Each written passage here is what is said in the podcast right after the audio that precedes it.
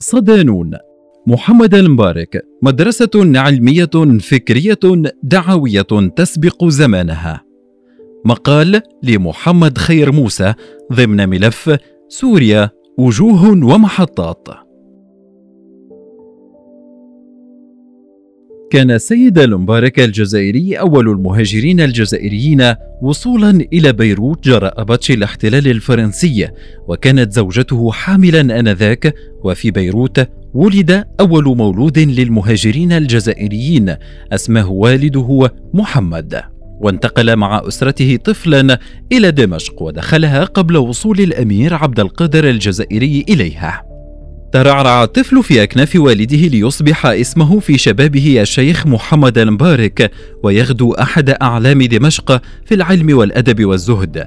وله العديد من الرسائل الأدبية التي ألفها على شكل المقامات وطبعت في دمشق آنذاك. كما أن له محاورات شعرية رائقة ورقيقة مع الأمير عبد القادر الجزائري. وكانت له حظوة في الدولة العثمانية وكانت له حظوة في الدولة العثمانية فمنحته السلطنة لقب قاضي إزمير واقتطعت له أرضا في حوران. كان للشيخ محمد ولد اسمه عبد القادر شاب في رياض العلم وكان أعجوبة زمنه في اللغة العربية فكان يلقب القاموس السيار من شدة حفظه للمعاجم واستظهاره لها. وكان من تلاميذه في مكتب عنبر الشيخ علي طنطاوي الذي قال في وصف أستاذه لم أرى في من قرأت عليه وكنت تلميذا له من كان في درسه حياة كحياة درس الشيخ المبارك. لقد كان أصمعي زمانه وأبا عبيدة عصره ينشر العربية ويحبب بها الطلاب في مكتب عنبر.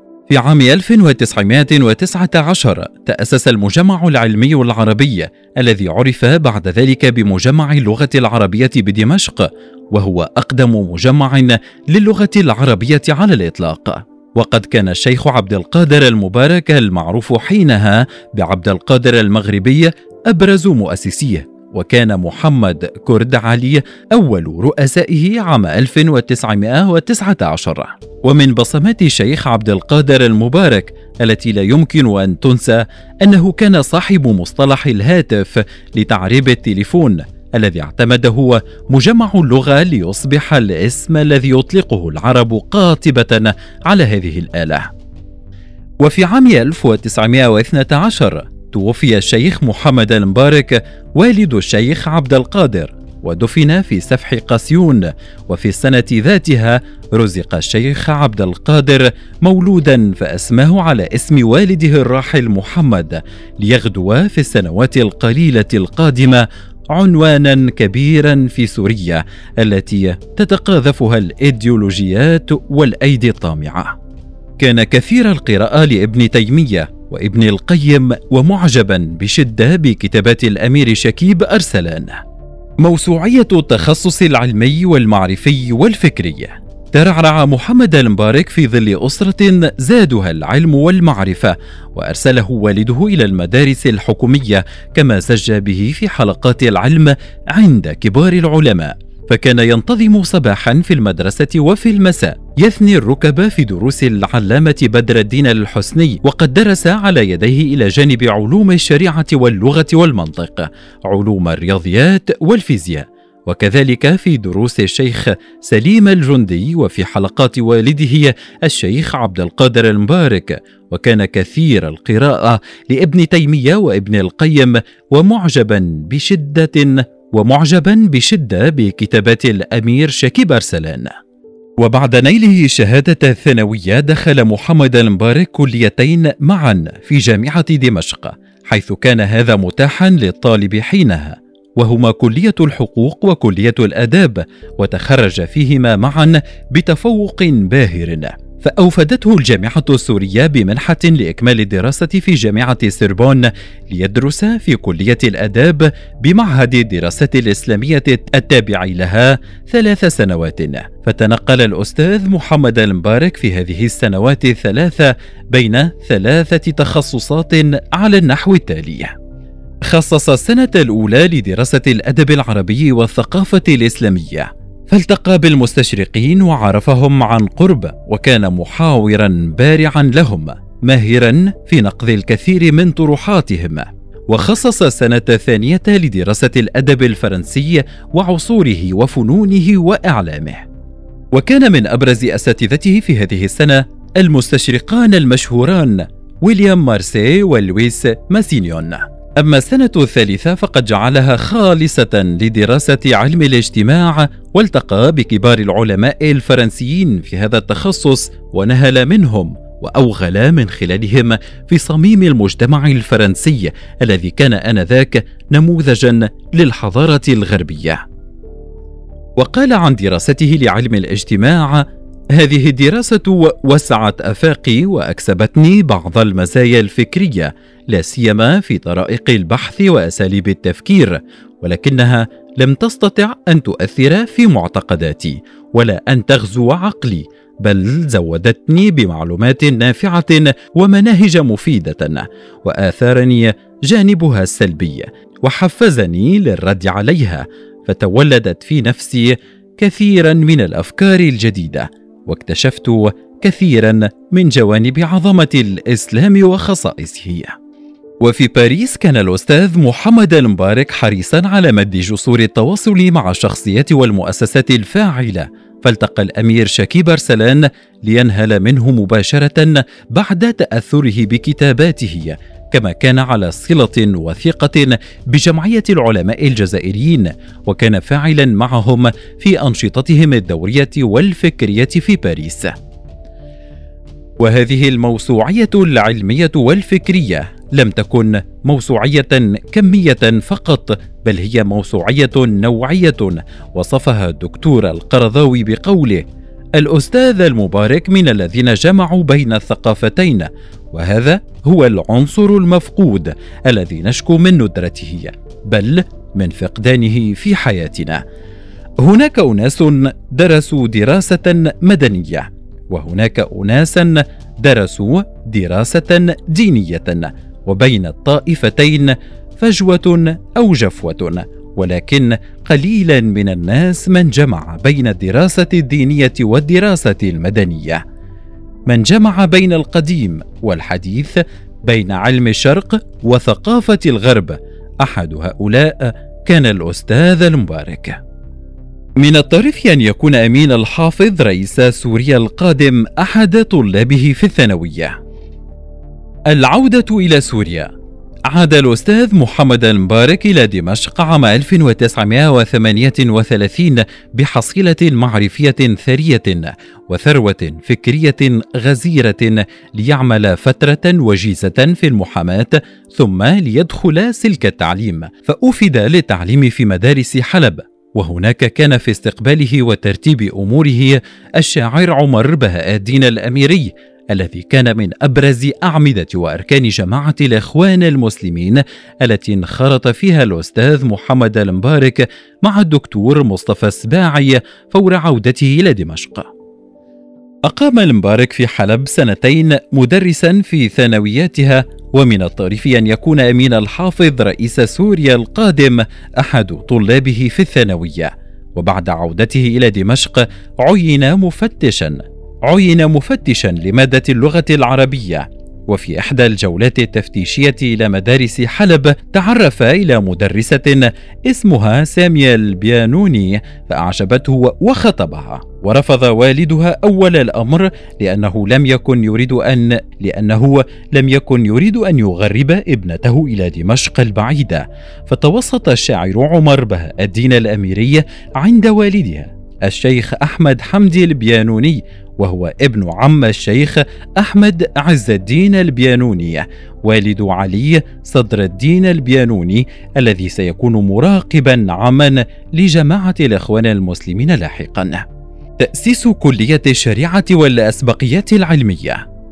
كان المبارك خبيرا في التخطيط التربوي وله باع كبير في وضع المناهجية وقد مارس ذلك عبر حياته في العديد من الدول لكن الإنجاز العلمي الأكبر الذي يمكن نسبته إلى الأستاذ محمد المبارك هو مشاركته يدا بيد مع الدكتور مصطفى السباعي في تأسيس كلية الشريعة بجامعة دمشق. كان بعد تأسيس شخصية محورية في وضع مناهج كلية الشريعة، ومن أهم ما وضعه مادة نظام الإسلام. هذه المادة التي غدت جزءا أصيلا من مناهج كليات الشريعة في عموم البلاد الإسلامية، فكان الذي استحدث فكرتها وأول من كتب فيها هو الأستاذ محمد المبارك، وفي ذلك يقول الشيخ علي طنطاوي: ومن الحق أن نقرر أن ممن يسعى في تعميم مادة نظام الإسلام على مدارس الشام والسودان والمملكة العربية السعودية والأزهر أخانا الأستاذ محمد المبارك.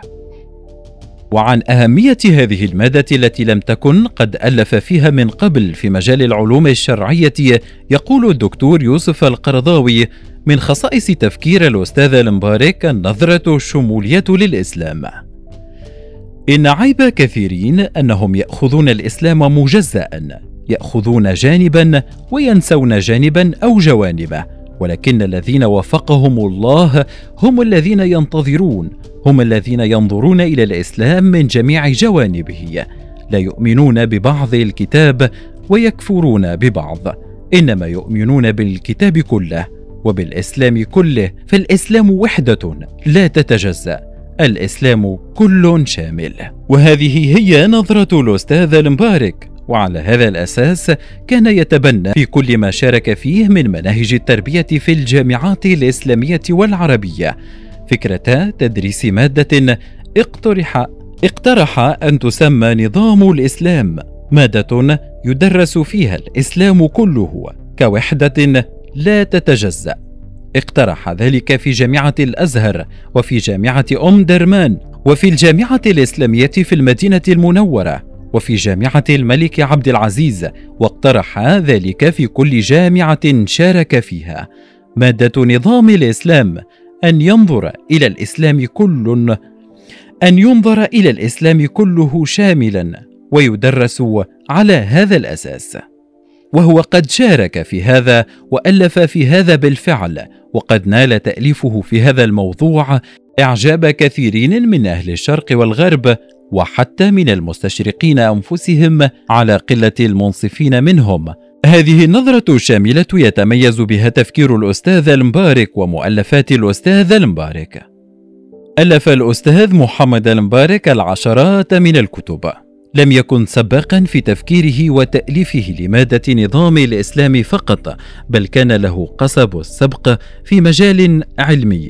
بل كان له قصب السبق في مجال علمي آخر يذكره العلامة مصطفى الزرقاء، إذ يقول: كان الأستاذ محمد المبارك أول من فكر بضرورة إعادة النظر في علم الاجتماع الذي يدرس بوضعه الحالي الذي يؤدي إلى الإلحاد.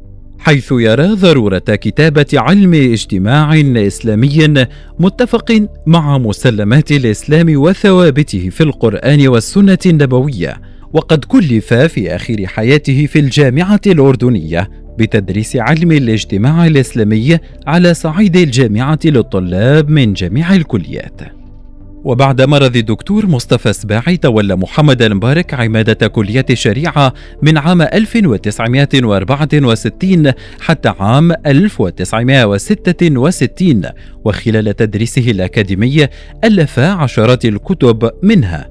نظام الإسلام العقيدة والعبادة ونظام الإسلام الحكم والدولة ونظام الإسلام الاقتصاد ونظام الإسلام العقائدي في العصر الحديث ونظرة الإسلام العامة إلى الوجود وأثرها في الحضارة. والفكر الإسلامي الحديث في مواجهة الأفكار الغربية والمشكلة الثقافية في العالم الإسلامي وبين الثقافتين الغربية والإسلامية ونحو وعي إسلامي جديد وذاتية الإسلام أمام المذاهب والعقائد ونحو إنسانية سعيدة ونحو صياغة إسلامية لعلم الاجتماع والأمة والعوامل المكونة لها. تسليف الصوفيين وتصويف السلفيين. تسليف الصوفيين وتصويف السلفيين. إن منهجي هو تسليف الصوفيين وتصويف السلفيين. هكذا يردد الأستاذ محمد المبارك على الدوام في بيان منهجه الدعوي فهو لم يكن مجرد أكاديمي تعرفه أروقة الجامعات وقاعات الدرس بل كان داعية منخرطا في مجتمعه. يمد جسور الصلة بين مكوناته المختلفة لا سيما الإسلامية منها. والقصد من عبارته عن تسليف الصوفيين وتصويف السلفيين أن العديد من أتباع المدرسة السلفية كان يعيش حالة من الجفاف الروحي فكان يدعو إلى تطعيم العمل السلفي بروح صوفية تزيده رقة وتزكية. وفي المقابل فإن العديد من أتباع الصوفيه غرقوا في الانحراف عن منهج العقيدة الحق فكان لابد من تطعيم صوفيتهم بالعقيدة السليمة التي يحرص عليها أتباع المدرسة السلفية. إن دعوة الأستاذ محمد المبارك هي عنوان لجهوده في إيجاد قدر مشترك بين عموم المدارس والتيارات الفكرية الإسلامية وضرورة التقريب بين التيارات المختلفة في واقع العمل الإسلامي وهذا جهد كبير يدل على وعي متقدم ورؤية ثاقبة. هو أحد العقول القلائل في هذا العالم الإسلامي التي تفكر بالإسلام وتفكر للإسلام. هذا هو الأستاذ محمد المبارك في العلم والدعوة والفكر وقد أبدع الدكتور القرضاوي في وصف همته العالية وجمعه بين العلم والفكر والدعوة إذ يقول الحقيقة أن قد نجد كثيرا من الناس وعاظا أو دعاة لكننا قلما نجد الداعية العالم المتمكن وقد نجد الداعية العالم ولكنك قلما تجد العالم المفكر الذي يفكر للإسلام ويفكر بالإسلام أي يفكر بمنطق الإسلام وبمنطق من أصوله ونصوصه وروحه العامة. لكننا نحمد الله تعالى أن كان الأستاذ المبارك أحد الذين يفكرون بالإسلام ويفكرون للإسلام وهكذا عاش لهذا الدين وعاش بهذا الدين. هو أحد العقول القلائل في هذا العالم الإسلامي التي تفكر بالإسلام وتفكر للإسلام. ولو أحببنا أن نعد عشرة عقول في العالم الإسلامي تفكر للإسلام وبالإسلام لكان الأستاذ المبارك من المعها ونحمد الله على ذلك. لم يكن الأستاذ محمد المبارك أقل حضورا في العمل السياسي السوري من حضوره في ساحات العلم والفكر والدعوة، وعن التجربة السياسية للأستاذ محمد المبارك سيكون مقالنا القادم بإذن الله تعالى.